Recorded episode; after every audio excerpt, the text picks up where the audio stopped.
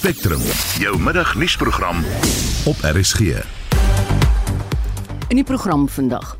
Eskom verduidelik hoekom beurtkrag glo nou weer nodig is. Unfortunately, due to the depleted capacity from generator breakdowns and the tripping, and the delay specifically in 2000 megawatts of generators returning to service, combined then with a higher demand for electricity as a cold weather you know, set in, there was unfortunately insufficient capacity to supply the country's demand. Hellings, rommel en indringerplante word as risikofaktore in KwaZulu-Natal geïdentifiseer na verlede maand se rampspoedige oorstromings. A lot of this vegetation is alien vegetation. It's fast growing, shallow root system. This gets ripped out of the riverbanks very easily. It exposes large areas for erosion. That's why you see so much, so much sand in the rivers. And that then goes down the river, blocks the culvert, which probably would have coped. En die bekende ekonom Dawie Rood is in Rusland en kan nie terugkeer na Suid-Afrika nie.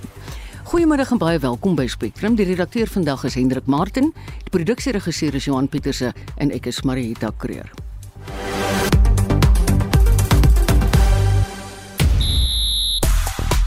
'n derde kampioeneliga finaal in 5 seisoene vir Liverpool, sal Man City dit vanaand 2 uit 2 Engelse klubs kan maak wanneer hulle te staan kom teen Real Madrid.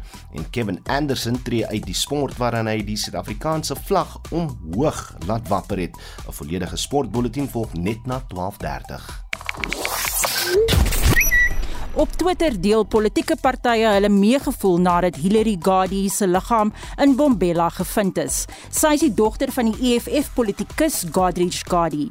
Dan praat mense ook oor die SAIK wat die afgelope 2 jaar meer as 600 miljoen rand verloor het weens 'n beduidende afname in kyker- en luistertalle. In Spectrum wil ons baie graag hê die luisteraars moet ook deelneem aan die program. Daarom vra ons elke dag 'n spesifieke vraag waarop ons graag wil hê julle moet reageer. Volgens die Suid-Afrikaanse Polisie Diens se Buro vir Vermiste Persone word tussen 60 en 90 mense per maand as vermis aangemeld. Intussen sê Missing Children South Africa dat 'n persoon binne 48 uur uit die land gesmokkel kan word vir mensehandel. 'n Vermiste persoon moet dus so gou as moontlik aangemeld word. Is dit jou grootste vrees dat jou kind of iemand vir wie jy lief is ooit sou wegraak of ontvoer word? Wat doen jy om jou kind en jou geliefdes te beskerm of te bemagtig teen ontvoerings? Stuur gerus vir ons 'n SMS van jou ervaring na 45889. Dit kos R50. Jy kan saampraat op die Monitor Spectrum Facebookblad of jy kan vir ons 'n stemnota stuur hier in die ateljee. Die nommer is 076 536 6961. Ek herhaal 076 536 6961. Is op nerf nou 7 minute oor 12. Die werkloosheidsversekeringsfonds het byna 2 miljard rand verloor nadat hy 'n aandeelhouer van 'n groep ondernemings geword het wat 'n goeie belegging gebleik te wees het. Om die komplekse storie te ontrafel, praat ons nou met die ondersoekende joernalis van Scorpio by die Daily Maverick, Pieter Louw Meiburg. Hallo Pieter Louw. Middag Marieta. Ja nee, dit is nogal 'n komplekse affære. Jy sal dit vir ons moet verduidelik asseblief want ek meen tot hier toe. Kan jy verduidelik hoe hierdie werkloosheidsversekeringsfonds, ons noem dit nou gewoonlik sommer die WVF, hierdie hmm. reusagtige bedrag verloor het? Ja, maar dit is inderdaad skokkend as mens dink dat jy weet dis natuurlik nooit belangrik dat daai fonds sekuur bly en dat uh, mense kan aanklop vir hulp wanneer hulle werke verloor by by daardie belangrike instelling, maar in kort so die onafhanklike beleggingskorporasie, die OBK of PIC is die aangewese beleggingsbestuurder vir die werkloosheidsversekeringsfonds. So dis maar amper jy weet hulle is 'n kliënt mm. dat die WFK se kliënt van die OBK en so die OBK het in 2016 en toe weer in 2018 uh twee afsonderlike beleggings gemaak in entiteite wat dan weer op hul beurt nou al hierdie geld gaan belê het of aandele gekoop het in Bounty Brands. So Bounty Brands net vinnig, dis eintlik maar 'n uh, houer maatskappy vir die hele rits baie bekende handelsname wat luisteraars almal sal ken, meestal is Hurley klere en Vans en Daar's ook uh, kosgoedere soos uh, Häagen-Dazs, Roomys en Cheerios, ontbytgraanpap ensovoorts. So 'n hele rits handelsname is nou in hierdie Bounty Brands entiteit saamgebondel En dan was die idee dat dit nou uiteindelik nou op die aandelebeurs beide in Johannesburg en in Londen gelys sou word en beleggers sou aandele koop en 'n groot klomp geld nou vir al hierdie beleggers insluitende die werkloosheidversekeringsfonds inbring. Mm. Maar ongelukkig is dit nie hoe dit geëindig het nie. Um voordat die die maatskappy of die entiteit gelys kon word op hierdie aandelebeurse het sy skuldlas eenvoudig maar die entiteit verswelg. So um, saam met die werkloosheidsversekeringsfonds was daar 'n klomp ander beleggers vroeër in die toue gewees wat 'n klomp geld ingesit het in hierdie entiteit of in Bounty Brands en Bounty Brands het toe naderhand um, gefaal om sekere terugbetalings te maak op van hierdie groot skuld wat hy nou aangegaan het mm. deur al hierdie handelsname te koop. Hulle toe hulle betalings teruggeëis en dit kon nie te doen nie, daar's net eenvoudig te veel skuld gewees en lang storie kort toe moes die skuld geherstruktureer word. Hulle moes so 900 miljoen rand se bykomende beleggings wanneer ek maar skuld inbring mm. om ander krediteure te betaal en toe is die die maatskappy se aandele struktuur eintlik maar geherstruktureer en sodoende is die die WVK se se aandeel so afgewater dat daai ehm um, 1.8 miljard rand wat hy ingestoot het is eintlik maar um, nou niks werd nie. Ja. Bounty Brands ontken dat hy by die onderhandelinge betrokke was en wys nou die vinger na Coast to Coast Capital. Wie moet die skuld kry? Korrek. Ja, so okay, alle aanduidings is dat ehm um, jy weet van jou luisteraars sal dalk onthou 'n tydjie terug het ons reeds uiteindelik maar ongeruimthede rondom hierdie um, belegging uitgewys. Daar is van die geld um, wat in die in die belegging gedoen is is mos nou na hierdie polities gekonnekteerde sakeman Lawrence Malazi te betaal hy is nou die ou wat hierdie OBK uh transaksies bymekaar sit en ook hierdie um, belegging van die die WVK se geld en daai geld is toe van die geld 50 miljoen rand na Lawrence Belazi toe en toe Zweli Mkhize daai 6 miljoen rand um betaling gekry wat na sy eiendomste transaksie toe gekan gekanaliseer is.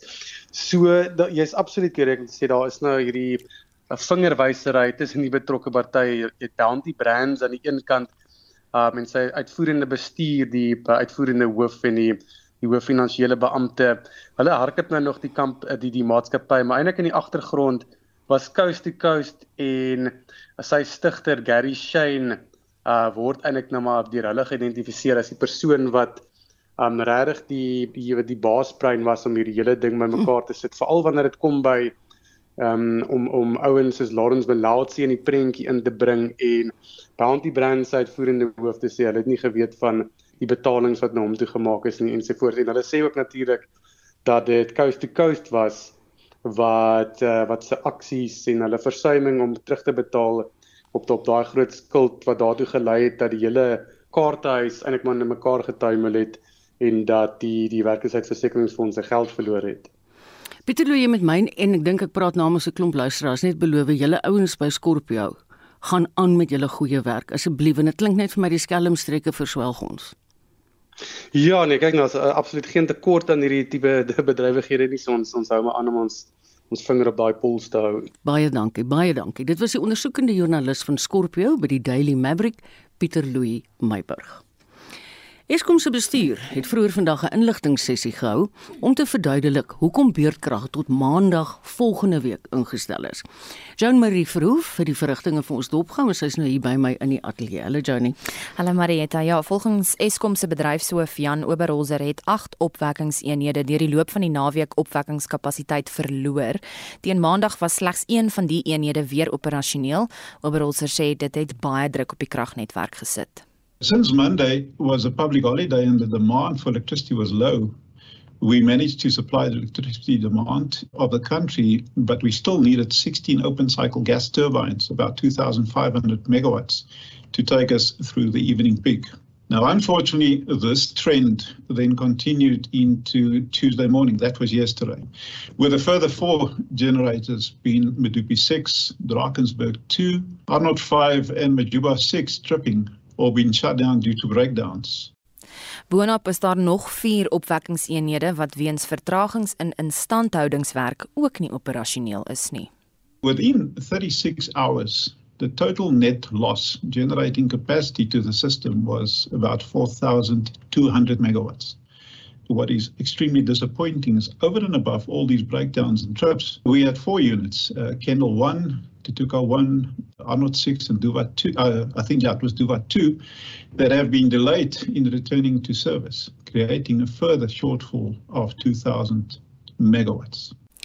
Oberholzer het uitgebrei oor hoe die vraag na elektrisiteit gewoonlik die tyd van die jaar skerp toeneem. The summer profile over 24 hours is lower and more consistent.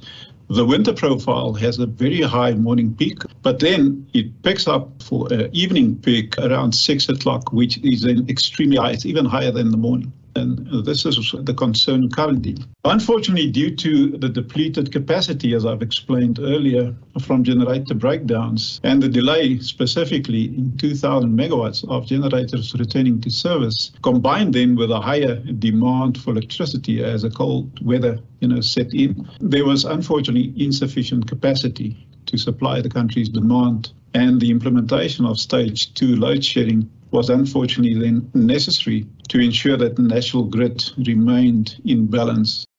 Nou ja, fase 2 beerdkrag sal tot 5uur maandagooggend ingestel wees. Oberholzer sê Eskom maak wel tans staat op noodreserves om die ligte aan te hou. Despite the implementation yesterday of stage 2 load shedding, we are still using extensive emergency reserves. Unfortunately, we still see at this point in time that we will continue with load shedding up until Monday morning, the 9th at 5 o'clock in the morning. Now, if you take today, we only expect three units to return two relatively small units in one larger unit. So what need to return over the next couple of days up until Monday is quite a number of units. And then during the same time, we need to make sure that our emergency reserves are not depleted and it's actually, you know, replenished. En dit was Eskom se bedryfshoof Jan Oberholzer. John Marie Verhoef wat ons die oë hou op Eskom. Meer as 600 miljoen rand Dis hoeveel die SAIK aan inkomste invordering oor die afgelope 2 jaar verloor het. Die openbare uitsaaier se uitvoerende hoof, Madora Pakwe, het dit gister in die parlement bekend gemaak. Hy skryf die verlies toe aan 'n afname in luisteraars en kykers en langdurige COVID-19 inperkings. The big one for us has been the audience decline, particularly in the classic revenue. And this really cost us close to over about 600 million. And because there's always a correlation between positive ARs as well as revenue growth. But I think what is important is that the new strategy and the new structure and the new target operating model that we implemented is really beginning to show traction from a sales point of view. And we do believe that going forward, this would really significantly help us. Die voorsitter van die SAIK Raad, Bongomusa Makatini, sê die SAIK moes tot 'n vergelyking met die minister van kommunikasie, Kumbutso Ntshavheni kom, nadat hy gedreig het om befondsing vir die SAIK se digitale migrasie te onttrek. We had to engage with the minister and ensure that we are able to find a solution and alignment between us and the minister to ensure that the concerns raised are tended to, but at the same time as the SABC, we play our role that is expected of us as the public broadcaster. But also there is an expectation from the SABC to also look at both the opportunities and the risk of course, presented by the digital migration, which means that, for example, when it comes to compelling content, when it comes to us making sure that we mobilize people to register and to take up the opportunities that are presented by digital migration. Die SAIK se 3 jaar sperdatum om sy omkeerstrategie te implementeer verstryk van jaar. Die regering waarsku dat die SAIK nie weer 'n reddingsboei sal ontvang nie. Die adjunkminister van kommunikasie, Philly Mapulane. It's important to note that uh, going forward, the SABC won't be receiving any allocation from Treasury. And so the revenue continues to be an issue that has to be looked at very closely by the board. So sê die adjunkminister van kommunikasie, Philly Mapulane. Ek is Joan Marie Verhoef vir SAK nuus.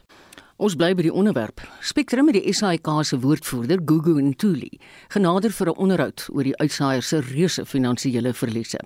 Sy sê die SAIK se bestuur wag vir die ouditeur-generaal se verslag voordat hulle kommentaar sal lewer.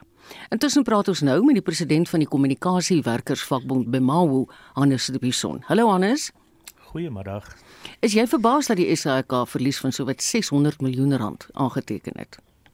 Baie bekommerd, maar glad nie verbaas nie. Ek uh, ons het dit intedeel verwag en ek kan vir jou sê hoekom daar is 'n uh, nuwe bestuur aangestel by die SAIK met uh, bittermin of geen uitsaai ondervinding nie. Daar is gedurende hierdie artikel 189 proses van 'n klomp kundigheid ontslaag geraak, uh, dit ten koste van kwaliteit die uh ondervinding van uh werkers by die SAIK is dat hierdie nuwe bestuur is beter wetig. Uh daar word uh, bitter min of geen insette van die uh, kundige werknemers wat oorgebly het gevra nie. Uh daar word nie geluister na kykers en luisteraars nie oor die uh, tipe van programme wat gesien word, die diepte van programme nie. Uh die moraal is op 'n uiterste laagtepunt by die SAIK want daar word gepeter byvoorbeeld met kommissiestrukture en dit is die mense wat advertensies moet verkoop. Ehm um, so daar is uh, tans gemiddeld omtrent weekliks dispute wat by die uh, CCMA aanhange gemaak word. Uh ja, en dan word daar ook eensydige torring aan werknemers se voordele wat natuurlik veroorsaak dat mense baie negatief is en, en nie ehm um, presteer soos wat dit hulle moet presteer nie. Die SAIK se finansiële hoof, Hannes Jolande van Biljon, was voorheen baie positief dat die SAIK binnekort winsgewend sal wees. Hoekom bereik die uitsaaier nie daai punt nie? Wat is nou die huidige uitdagings? Ek dink 'n mens moet kyk uh, daar's twee goed wat hier gebeur. Die die een is dat die SAIK verloor 'n klomp kykers en luisteraars en dit kan direk toegeskryf word uh, daaraan dat die uh, inhoud wat aan kykers en luisteraars gebied word nie voldoen aan die verwagtinge nie en dat mense dan uh, elders gaan. Uh elders gaan die adverteerders dan ook en dit het dan nou hierdie kringloop. Uh die ehm um, wil ek, ek wil amper sê die bravade van die ehm uh, die finansiële hoof van die SAIK dink ek uh, kom van die feit dat uh, die SAIK hoop dat die ehm um, dat die befondsing van die SAIK verander word dat daar uh, min of meer weggedoen word met die lisensie uh, stelsel en dat uh, dat die uh, Eh, dat mense moet begin belasting betaal, tipe van 'n belasting betaal uh, wat dan aan die uh, uitsaar gegee word. Nou uh, dit is 'n baie gemaklike posisie in om te wees uh, dat 'n mens 'n klomp geld kry van uh, vanuit die staatskas uit. Uh, die vraag wat 'n mens natuurlik moet vra is wat gaan jy met daardie geld alles doen as jou mm. kykers en jou luisteraars almal weg is? Dis baie waar wat jy nou gesê het. Na jou mening, dink jy die SAIK vorder met sy sogenaamde omkeerstrategie? Sien jy veranderinge? Ons sien nie regtig veel veranderinge nie behalwe hierdie getorring aan aan die uh, werknemers want onthou hulle het dit geïdentifiseer as een van die uh, die groot koste uh, items uh, is die salarisse van werknemers. Hulle het nou van al hierdie kundige mense ontslaag geraak. Hulle het 'n klomp uh, mense aangestel en ek sê nie almal is onkundig nie, maar waarvan meeste onkundig is. Die SAIK het 95 volgens hulle 95% van hulle uh van hulle uh, uh omkeerplan het hulle geïmplementeer. As ons nou hierdie massiewe verliese wys met 95% van die omkeerplan wat uh wat reeds in werking gestel is kan geen mens 'n uh, redelike mens sien hoe die SAIK met hierdie 5% wat oor is skielik hierdie 'n uh, winste maak wat hulle in hulle korporatiewe plan geprojekteer het aan die minister en aan die parlement nie. Anders die SAIK werknemers is ingelig dat daar nie in die nabye toekoms enige salarisverhoging sal wees nie. Kyk die vakbonde daarna? Die vakbonde kyk tans daarna uh bloot omdat die SAIK daarvoor begroot het, hulle het voorsiening daarvoor gemaak uh in hulle korporatiewe plan uh daar staan op swart en wit dat hulle 'n 6% verhoging voor uh begroot of gereed maak daarvoor en daardie plan is deur die minister afgeteken. So die vakbonde het uh, vir die SAIK gaan vra wat het geword van daardie verhoging. Aanvanklik het die SAIK om glad nie gesteer aan die kommunikasie nie. Uh ons weet dat kostes uh opgaan drasties opgaan brandstof en al hierdie goed uh, raak baie duur en werknemers uh, daar is gepeter met werknemers se salarisskale en met sekere salarisse so mense verdien in effek minder. Ehm um, so aanvanklik het die SAIK hierdie boodskappe geïgnoreer en nadat daar 'n dispuut aanhange gemaak is, uh, het hulle aangedui dat hulle wel bereid is om met die vakbonde daaroor te praat. So daar is geen onredelike verwagting van werknemers se kant af nie. Ehm um, daar is ook in die nuwe aanbieding in parlement nou gesê dat dat eh, ehm um, werknemerskoste met inflasie gaan styg. So ons glo daar's voorsiening gemaak daarvoor. Ek, ons glo dat uh, geen werknemer uh, geen mens sonder enige uh, verhoging kan werk en bly werk vir 2 en 3 en 4 en 5 jaar nie. So daar is gesprekke met die SAIK in hierdie stadium. Baie dankie. Dit was Hannes de Bisson, die president van die Kommunikasiewerkersvakbond BEMAWO. 24 minute oor 12. Die minister van minerale bronne en energie, Gwedi Mantashe, is aangestel om loononderhandelinge tussen Sibanye-Stillwater en vakbonde te fasiliteer. Die staking deur mynwerkers duur nou 9 weke lank. Vakbonde het gister 'n vergadering met werkers by Sibanye se Driefontein myn in Carletonville, Wes van Johannesburg gehou. Vincent Mofokeng doen verslag. Twee van die grootste vakbonde by Sibanye Stillwater, AMKU en die NUM, het die maatskappy se jongste aanbod van R850 verwerp en eis nou 'n verhoging van R1000. Die NUM se takssekretaris, Mtombeli Mankani, verduidelik. What he said is it is the responsibility of the unions to ensure that the strike is resolved or the dispute is resolved. He said clearly that it is not his responsibility as a minister. His responsibility is just to facilitate it. So I'm meeting again on Thursday at Business Park, which is Lebanon, at 10 o'clock, both NUM and AMCO and the employer. And the, that meeting will be facilitated by the Minister of MRE, Mr. Gwede Mantashe, and I hope in that meeting the strike will be resolved. Sibanye Stillwater het verlede week beweer dat hy nie bereid is om voor die vakbonde se eise te soeg nie, aangesien dit die besigheid onvolhoubaar sou maak. Die taksekretaris van AMKU, Mandlam Koki, sê werkers is nie bereid om hul eise te verander wat donderdag in die tweede ronde van samesprekings voorlê is nie. Die samesprekings word deur die regering gefasiliteer. We never had any resolution on that meeting because they told us that they are still um, standing on what they gave us the 850 rand, the living out allowance, and 5% on the officials. Although the, the mandate that we were given by the employees is the 6% to minor artisan and official, and it's 1,000 rand category 4 to 8, and 100 rand living out allowance. Werkers wat aan die staking deelneem, het nie hul salarisse ontvang sedert die staking op 9 Maart begin het nie, as gevolg van die geen werk, geen betaling beleid. Die verslag van Naledi Ngobo in Johannesburg. Ek is Vincent Mufokeng vir SAI Garnis. Die DA sê hy was van die begin af reg toe hy in 2015 die hof genader het om betalings aan die veelbesproke asbesbedrogspel in die Vrystaat te stop. Dit kom nadat die Zondo-kommissie se vierde deel van die staatskapingsverslag onlangs verskyn het en negatiewe bevindinge oor die kontrak gemaak is. Vir hoe gebeure ontvou het, praat ons nou met 'n DA-lid van die Vrystaatse wetgewer, Leona Kleinhans. Hallo Leona. Hallo Merita en die luisteraars. Was die wind 'n bietjie uit julle seile toe die hof aansoek in 2015 van die hand gewys is op grond daarvan dat dit nie dringend is nie? Ja, beslis. Ons was redelik verpletter want ons het eintlik gedink ons kan die betalings gestop kry. Ehm um, sodat die mense nou eers kan na die kontrak kyk behoorlik. Maar soos jy sê, ons was nie suksesvol in die hof nie en binne 'n week na die uitspraak het die betalings toe nou voortgevloei.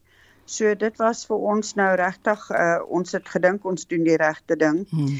En in die lig nou van die Zondo bevindinge uh oor die asbes saak, ehm um, is dit duidelik dat dit wel die regte ding was om te doen. Omrede uh Zondo nou bevind het dat die politieke leierskap in uitvoerende posisies wel aanspreeklik is. Ehm Leo, nou ek wil jou yes. tog vra, julle kon toe later die DA 'n klag by die OB indien. Wat was toe haar bevinding? Ja, haar bevindinge was nou grootliks dieselfde as wat Zondo nou ook gesê het, mm. dat dit 'n verneekspel van die begin af was. Die openbare beskerm het egter uh niks te sê gehad oor die politieke leierskap nie. Goed. Ehm um, so na daai openbare beskermer se verslag bekend gemaak is, is die hoof van die departement ehm um, uh, ontslaan. Goed. Maar soos ek sê, dit het toe nou nog gebly net by die amptenare in die departement. Wat was die beweerde rol van die voormalige Vrystaatse premier Ismagashule? Weet jy, sy uh, hy het 'n regspan in sy kantoor gehad. En toe ons aanvanklik 'n paar jaar aansoek gebring het, nog voordat ons hof toe gegaan het, het sy kantoor geantwoord en gesê ons het nie louke standie nie en hulle weier om vir ons die inligting te gee en so aan. So ons glo dat ons 'n draad kon trek direk na die voor, eh, voormalige premier se kantoor toe en dat hy moes geweet het van die beweringe wat ons maak en dat hy Semir toe nou niks sou doen het nie. Die voormalige LER van die departement het in werklikheid binne in die hof gesit met die verrigtinge. Mm. So so ook kon sy nie na agterna sê nee maar sy het nou nie geweet van al hierdie dinge wat aangaan nie want ek meen sy het daar gesit.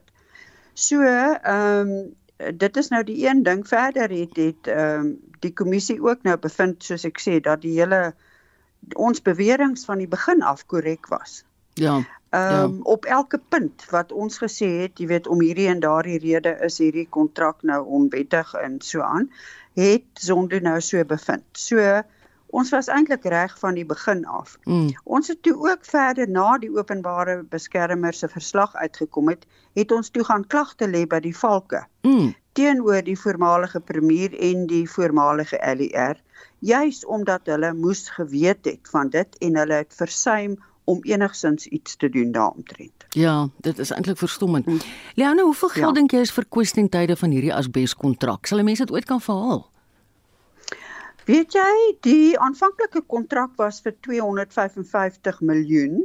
Ehm um, ek glo nie die volle bedrag is uiteindelik uitbetaal nie. Ek dink dit was so 230 miljoen. Waarvan omtrent 10 miljoen ge gebruik is vir enige werk op hierdie projek. Ehm um, so ja, hulle wil nou of of uh, Zondo in sy verslag sê die geld moet verhaal word van Blackhead en Diamond Hill uh, Consulting groep wat nou al hierdie geld gekry het.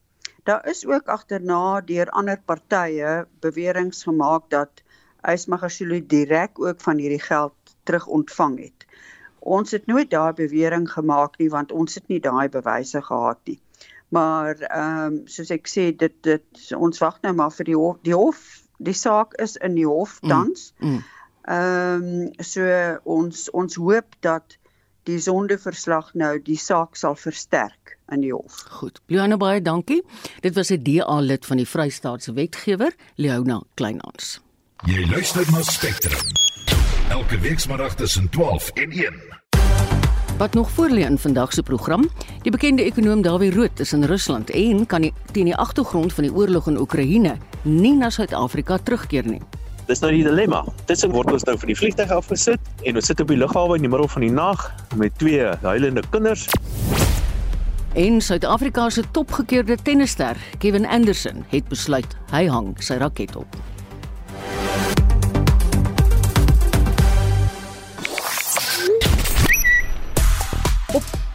Op Twitter, Ukraine boei die wêreld se aandag nadat die EU 'n verbod op Russiese olie voorgestel het. Dan brand die vure vreugdevure nog hoog vir Liverpool. Die span het deurgedring na die eindronde van die UEFA Kampioenskapsliga. Vir die jongste sportnuus, ons het nou gehoor van daai sokkerene. Sluit kollega Udo Karelse by ons aan. Hallo Udo. Hallo Mariet. Liverpool het die sokkerwêreld verstom soos Annie ook nou gesê het. Of hoe? Ja, absoluut. Hy's nie verniet 'n uh, 'n hitsmerkie. Liverpool het vir die derde keer in 5 seisoene 'n kans ge uh, uh, sal nou 'n kans hê om die Europese Kampioenligga te wen nadat hulle gisteraan met 'n sokker wonderwerk vorendag gekom het. Jurgen Klopp se span het aan die begin van die halfeindstryd met 'n 2-0 oor hoofse telling voorgeloop na die eerste been van die kragmeting teen Villarreal. Na die eerste helfte was die telling 2-8 danksy doele deur Bolaye Dia en Kokolan. Uh, Liverpool veg toe terug met 3 doele in 'n waansinnige 12 minute in die tweede helfte om die kragmeting met 'n oorhoofse telling van 5-3 te wen en sit sodoende albei voete in die finaal wat Saterdag die 28ste Mei op die staat Fransy uh, plaasvind. Die groot vraag vandag natuurlik sal teenstanders ook 'n Engelse span wees of sal nuut bekroonde Spaanse kampioene Real Madrid vanaand hulle eie sokker wonderwerk verrig deur terug te weg van 'n eerste beentelling van 4-3 ten gunste van Manchester City. Hierdie twee reëse speel vanaand 9 uur teen mekaar. Hooplik bly die beerdkrag vanaand weg by jou mm, huis sodat mm. jy dit kan beskou. Ja, dit kan jy weer 'n keer sê. Kom ons praat 'n bietjie tennis oor. Die hoof ja, die hoofopskrifte gaan nou net oor Kevin Anderson van Suid-Afrika. Jammer jy moet daar in die rede te val Marieta, maar Suid-Afrika se beste speler ooit en dis 'n mening, nie 'n feit nie. Kevin Anderson het sy uittrede uit die sport bekend gemaak. Die 35-jarige voormalige 50-gekeerde manspeler sê hy het nou genoeg gehad en voel hy het sy beste gegee in 'n loopbaan wat 'n uh, 'n Amerikaanse Ope finaal en 'n Wimbledon finaal insluit. Nou, uh, wat wat ons in ag moet neem is dat ons seker net so 'n bietjie meer respek en waardering moet toon aan Anderson want ja. hy het in 2018 reeds die geleentheid gehad om danksy sy troue aan Kelsey O'Neil, 'n Amerikaner, 'n landsburger te word van die FSA en sou hy dit Mariette op daai tydstip gedoen het, dan sou Anderson Amerika se topgekeerde speler gewees het, maar hy het toe daarteen besluit so. want sy hart was uh vir Suid-Afrika geklop. So kom ons vier sy ja. sukses ja. en sy uittrede al was hy nie altyd vir ons Davis beker span beskikbaar nie. Dit kan jy nou weer 'n keer sê. Weet jy, ek dink nie ons het hom in terwyl hy nog gespeel het, regtig wel genoeg ondersteun nie. Ek sien dit gons vreeslik oor die Brit Andy Murray. Wat het hy hmm. kwyt geraak? Ja, Andy het sy misnoë uitgespreek oor die besluit om spelers van Rusland en Belarus te verban by hierdie jaar se Wimbledon toernooi soos ons al reeds voorheen oor uh, gesels het. Maar hy glo die organiseerders moes eerder die spelers aangevra het om 'n deklarasie te onderteken dat hulle gekant is teen die Russiese inval op Oekraïne. Maar hy maak dus so sy stem dik oor die aangeleentheid saam met uh gene soos Rafael Nadal en Novak mm. Djokovic wat na die besluit geneem is dit ook as onregverdig teenoor die spelers anders uh, bestempel het. Ja, ek verstaan nogal hulle punt. En dan jy vandag ook vir ons 'n brokkie rugby nuus, né? Nee? Ja net so vinnig, die Sharks span het 'n 2 jaar kontrak gesluit met die Boabas losskakel en heel agter van die Maties Nawaldo Vleers.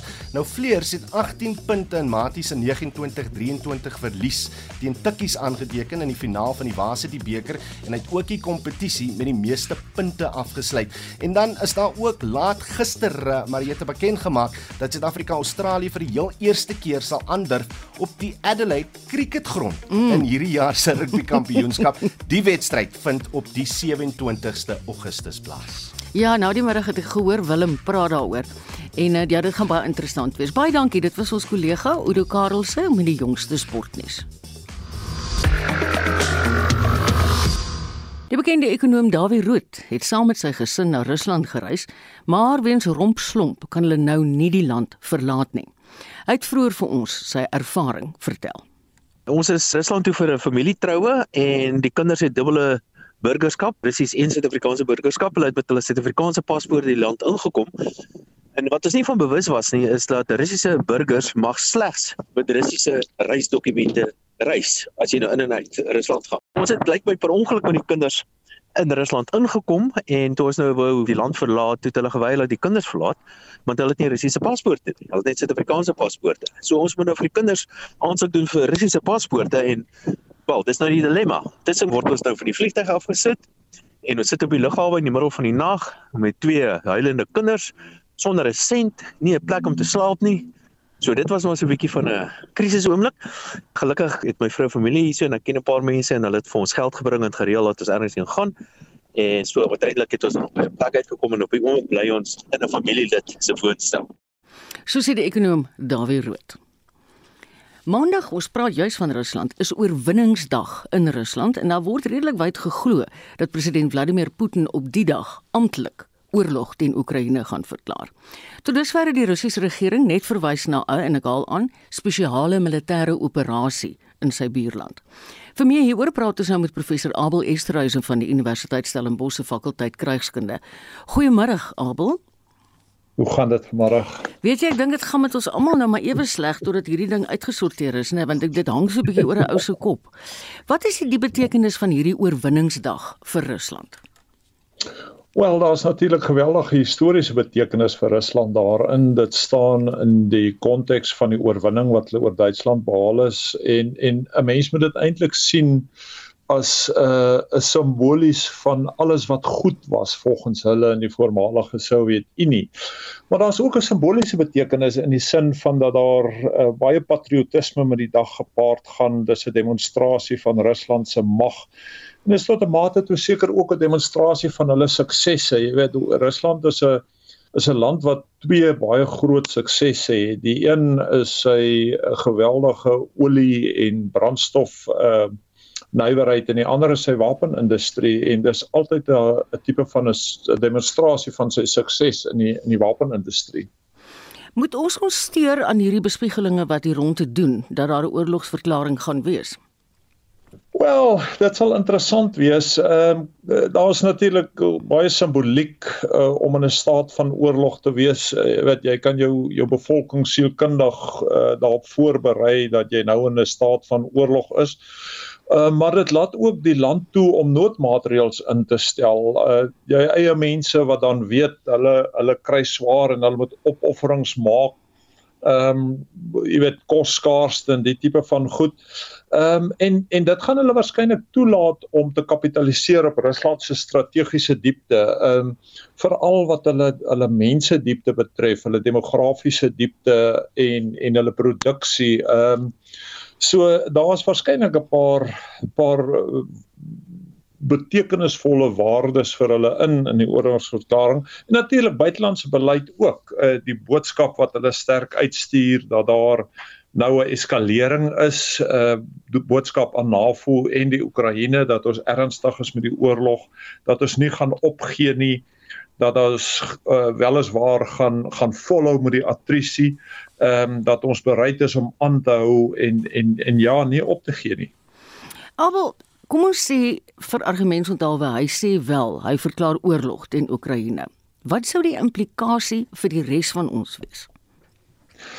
Wel ek dink nie vir ons uh, gaan die implikasie vreeslik wees nie. Uh soos ek gesê het, ek dink dat dit het binnelandse implikasies omdat uh weet uh, die regering die Russiese regering regtig uh, in 'n posisie sal kan wees om dan noodmaatreëls in te stel om kos en en en ander ehm um, uh maatreëls wat die die die Russiese bevolking eintlik onder dwang gaan sit om opofferings te maak. En en natuurlik, jy weet, hulle in die proses uh mobiliseer jy ook hulle steun vir die bevolking en dis belangrik. Maar ek dink vir NAVO en die Oekraïne uh, ja, vir hulle is dit 'n baie betekenisvolle uh, ding omdat ehm um, dit baie baie duidelik gaan wees dat Rusland nie uh vinnig uh, sy doelwitte gaan prys mm. gee wat hy vir homself gestel het in die Oekraïne wat dit ook al mag wees. Mm. Uh en dat hy dat hulle daar die die oorlog waarskynlik 'n uh, geruime tyd nog gaan duur. Ja. Abel baie dankie. Ons kry altyd baie insig en wysheid danksy jou professor Abel Esterhuise van die Universiteit Stellenbosch se fakulteit krygskunde. Die verwydering van indringerplante en rommel langs riviere kan 'n groot rol speel om vloedskade te beperk. Dis maar net een van die lesse wat geleer is na verlede maand se verwoestende oorstromings in KwaZulu-Natal. Amptenare van die eThekwini munisipaliteit sê daar was minder skade aan brûe en paaie in die gebiede waar riviere gereeld skoongemaak word. Dries Liebenberg berig.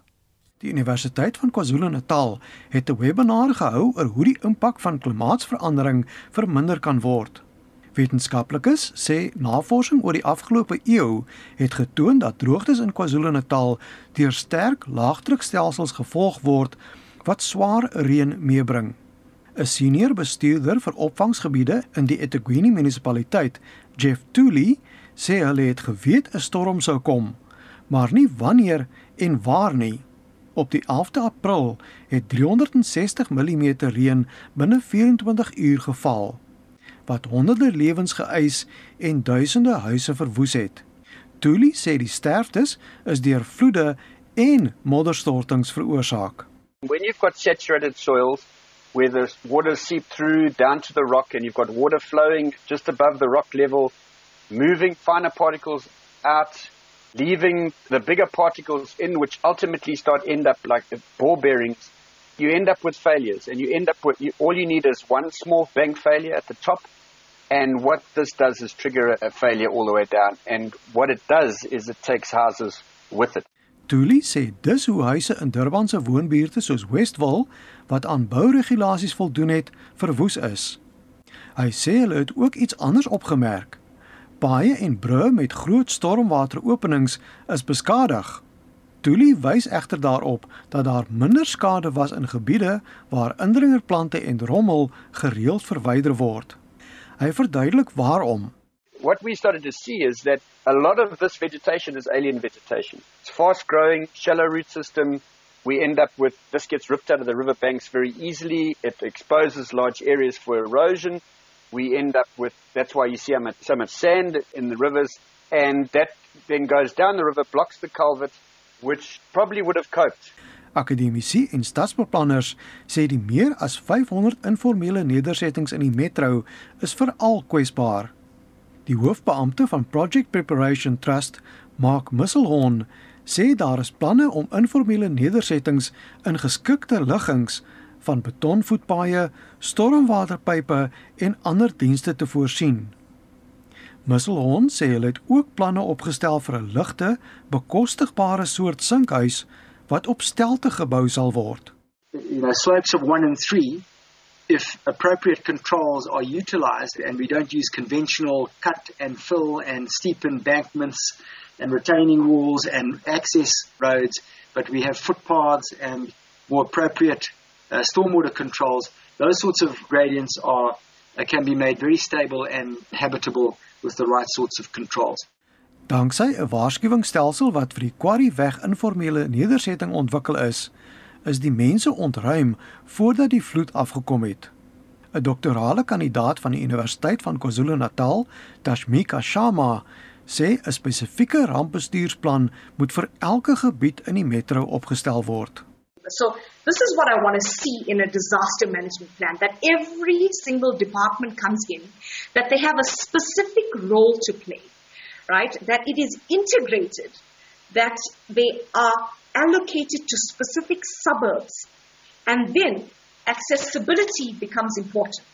We need to print this disaster management plan. You need to hand it to everybody. It needs to be in Zulu or in all 11 official languages.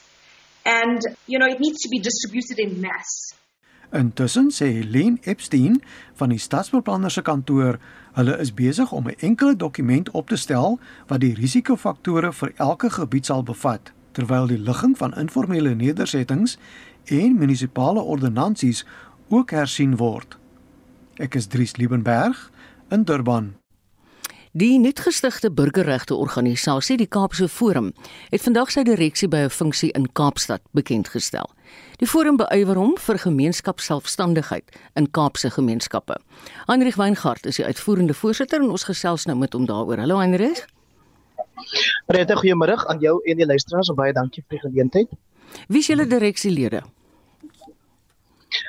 So ons het 'n groep van eh, mense wat verskillende oor verskillende kundighede beskik. Dit sluit in regsgeleerdheid, uh boekhouding of ekonomie, korporatiewe kommunikasiekunde en dan iemand soos Afriforum se hoof Kali Kriel wat ook een van ons lede is. So as jy die lys name wil hê, kan ek dit uh vir jou met jou deel. Ja, asseblief. Um William William uh Award sal ons bedryfshoof wees.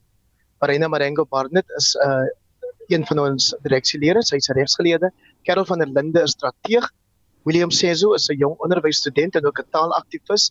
Ek het nou reeds Kalikriel se naam genoem en dan Malikole Gwachu wat 'n landboukundige is en 'n uh, eh, JP Biko Keiter wat werk in die korporatiewe kommunikasiekunde veld en ook 'n entrepreneur is. JP Keiter.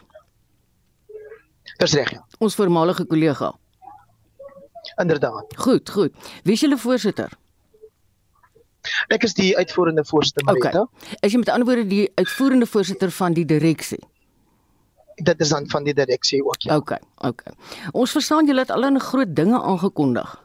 Laat ons in op die geheim. Die belangrikste is dat ons 'n referendum oor die afwendeling van polisiemagte na die Wes-Kaap wil sien gebeur. En ons het reeds aan die premier Allan Wendy daaroor geskryf om by hom instemming te kry dat ons kan help om vir die provinsie regsekerheid te gee oor die kwessie van daar bestaan. Verskillende menings oor of 'n premier reeds by magte is om 'n referendum af te kondig en of dit eers deur wetgewing ingestel of liewer deur nuwe wetgewing mm. moontlik gemaak moet kan word en om daai onsekerheid uit die weg te ruim het ons geskryf aan die premier en vir hom gevra of hy ten gunste sal wees van so 'n stap indien wel dan sal ons help om deur die howe regsekerheid uh, vas te stel.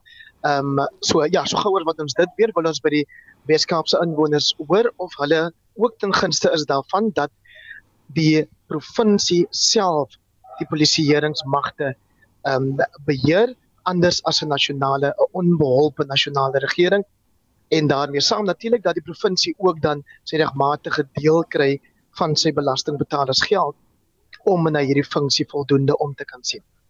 Heinrich, hoe is julle vanoggend ontvang want ek aanvaar daar was gaste wat julle genooi het. Ja, so ons het die funksie in die Bo-Kaap gehou op sigself 'n simboliese gemeenskap en 'n plek, uh, 'n plek van samekoms van verskillende mense oor die jare heen, verskillende uit verskillende dele van die wêreld en Kaapse Forum as 'n organisasie wat alle gemeenskappe in die Wes-Kaap wil verteenwoordig wil uiting gee aan daai soort simboliek mm. wat 'n mens ervaar wanneer jy in die Bo-Kaap aandoen. Ons het onder andere die voormalige premier Helen Zille by die funksie gehad en ook die bekende politikus Pieter Maree en dan was daar ook ehm um, mense uit die gemeenskap uit. Jy weet ek wil amper sê doodgewone mense wat reeds vir ons gekontak het om te vra of hulle kan deel raak van hierdie organisasie. Hendrik, nou maar ek kan hoor jy sit op 'n lughawe. Geniet jou vlug en mag dit goed gaan met julle onderneming. En dit was Hendrik Weingart van die Kaapse Forum. Vanmiddag se sake nuus word aangebied deur Robert Cameron. Robert is 'n portefeuljebestuurder by Fisher Dugmore Sekuriteite. Hallo Robert. Goeiemôre Marieta, goeiemôre luisteraars. Ja, ons plaaslike mark is uh, swakker vandag weer eens uh, met so 0,9% en is eintlik uh, die laaste week wat dit redelik rof gaan op die mark. Uh, dit is so 630 punte af. Uh, die indeks vir alle aandele staan tans op uh, so 70770 punte. Uh, dan die top 40 indeks verloor 0,8%, die uh, Holbron indeks verloor 0,9%, die Nasdaq indeks ook swakker met 0,9% en dan die finansiële indeks op hierdie stadium swakker met 0,4%. Ons kyk net enkele aandele, Sasol is sterker met sy 1,7%, hy is op so R392 en dis uh, na voorneme van Duitsland uh, vroeër vandag om op te hou om Russiese olie um, in te voer. Uh dan uh, British American Tobacco is sterker met 1,2%, dit's op R666. Dan uh aan die verloorkant sien ons Aspen swakker met uh, 3,4%, R160. Mr Price verloor 2,4%. Uh dan uh, Tungela op die stadium uh, af met uh, 6% na R241.50 en maar dis dan na baie sterk loopie die uh, afgelope tyd die wisselkoers op hierdie stadium die rand uh, verswak effens R15.83 teenoor die Amerikaanse dollar R16.66 teenoor die euro en 'n Britse pond kos tans R19.81 Kommoditeite die goudprys 1870 dollar per fyn ons. Die platinumprys prys staan tans op 980 eh, dollar en dan die Brent olieprys ongelukkig weer sterker met 3,9% mm -mm. op hierdie stadium Hy is op 109 109 rand uh, 10 sent per vatjie Brent. Uh, Oorsee is ons oornag in die Dow Jones uh, versterk met 0,2%. Die Hang Seng vroeër vanoggend nie so gelukkig nie verloor 1,1%. Die groot Europese markte ook swakker vandag. Die FTSE 100 in Londen uh, af met 0,2%. Die DAX in Frankfurt marginaal swakker met 0,1% en dan die CAC 40 in Parys verloor so halwe persent op hierdie stadium. Dan laasens is in Pieter Meinmark uh, verbeter met so 0,35% en dit hou dan op 'n sterker opening uit Amerika later vanmiddag Baie dankie, dit is 'n einde van vandag se sake nuus. Ah Robert, daai Brent olieprys is 'n vreeslike teleurstelling. Maar dankie vir jou verslag. Dis Robert Cameron, 'n portefeuljebestuurder by Fisher Dugmore Sekuriteite.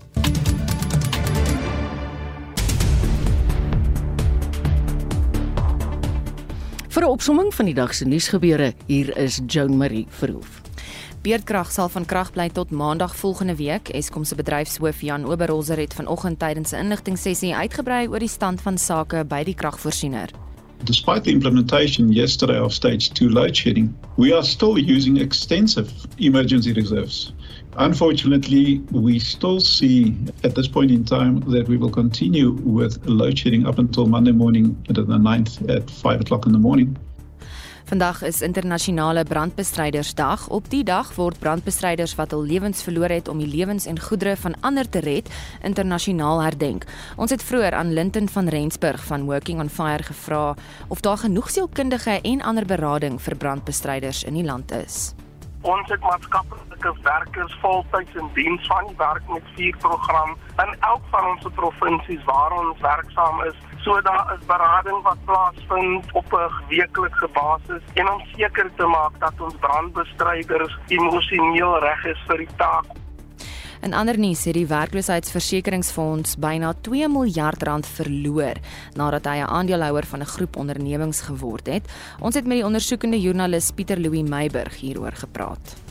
Die onafhanklike beleggingskorporasie, die OBK, is die aangewese beleggingsbestuurder vir die werkloosheidsversekeringsfonds. So die OBK het in 2016 en 2018 twee afsonderlike beleggings gemaak in entiteite wat dan weer op hul beurt nou al hierdie geld gaan belê het of aandele gekoop het in Bounty Brands.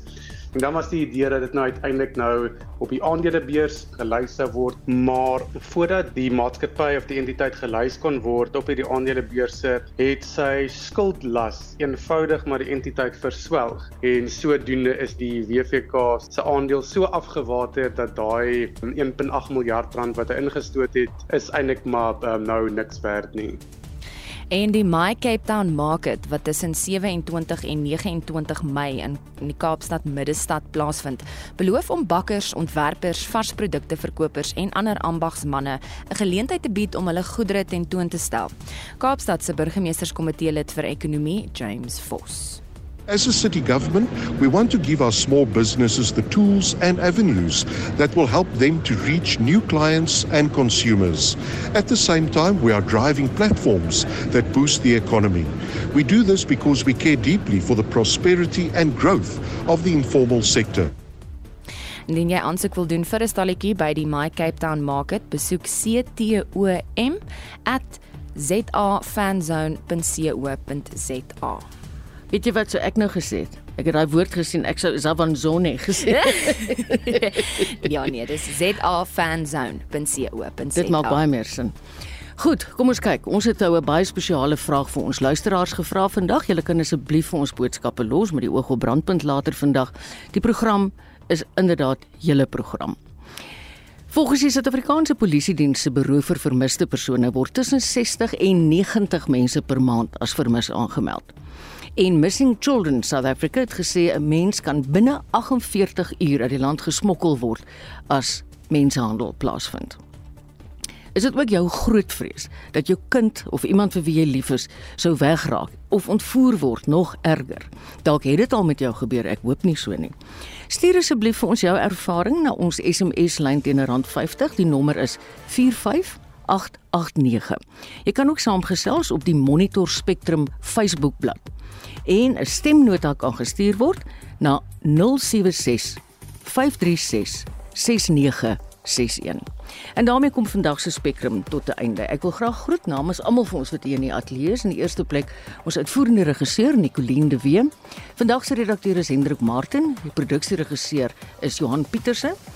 Almal wat vandag meegewerk het. Dit is Marlenae Forsie, Joan Marie en Aline Moses. Regtig waar, jy's net 'n handjie vol mense gewees en almal het so hard gewerk. Baie dankie daarvoor.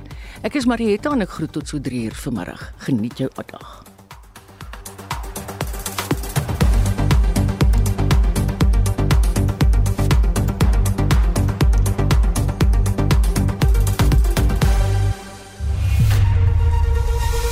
SAK nuus.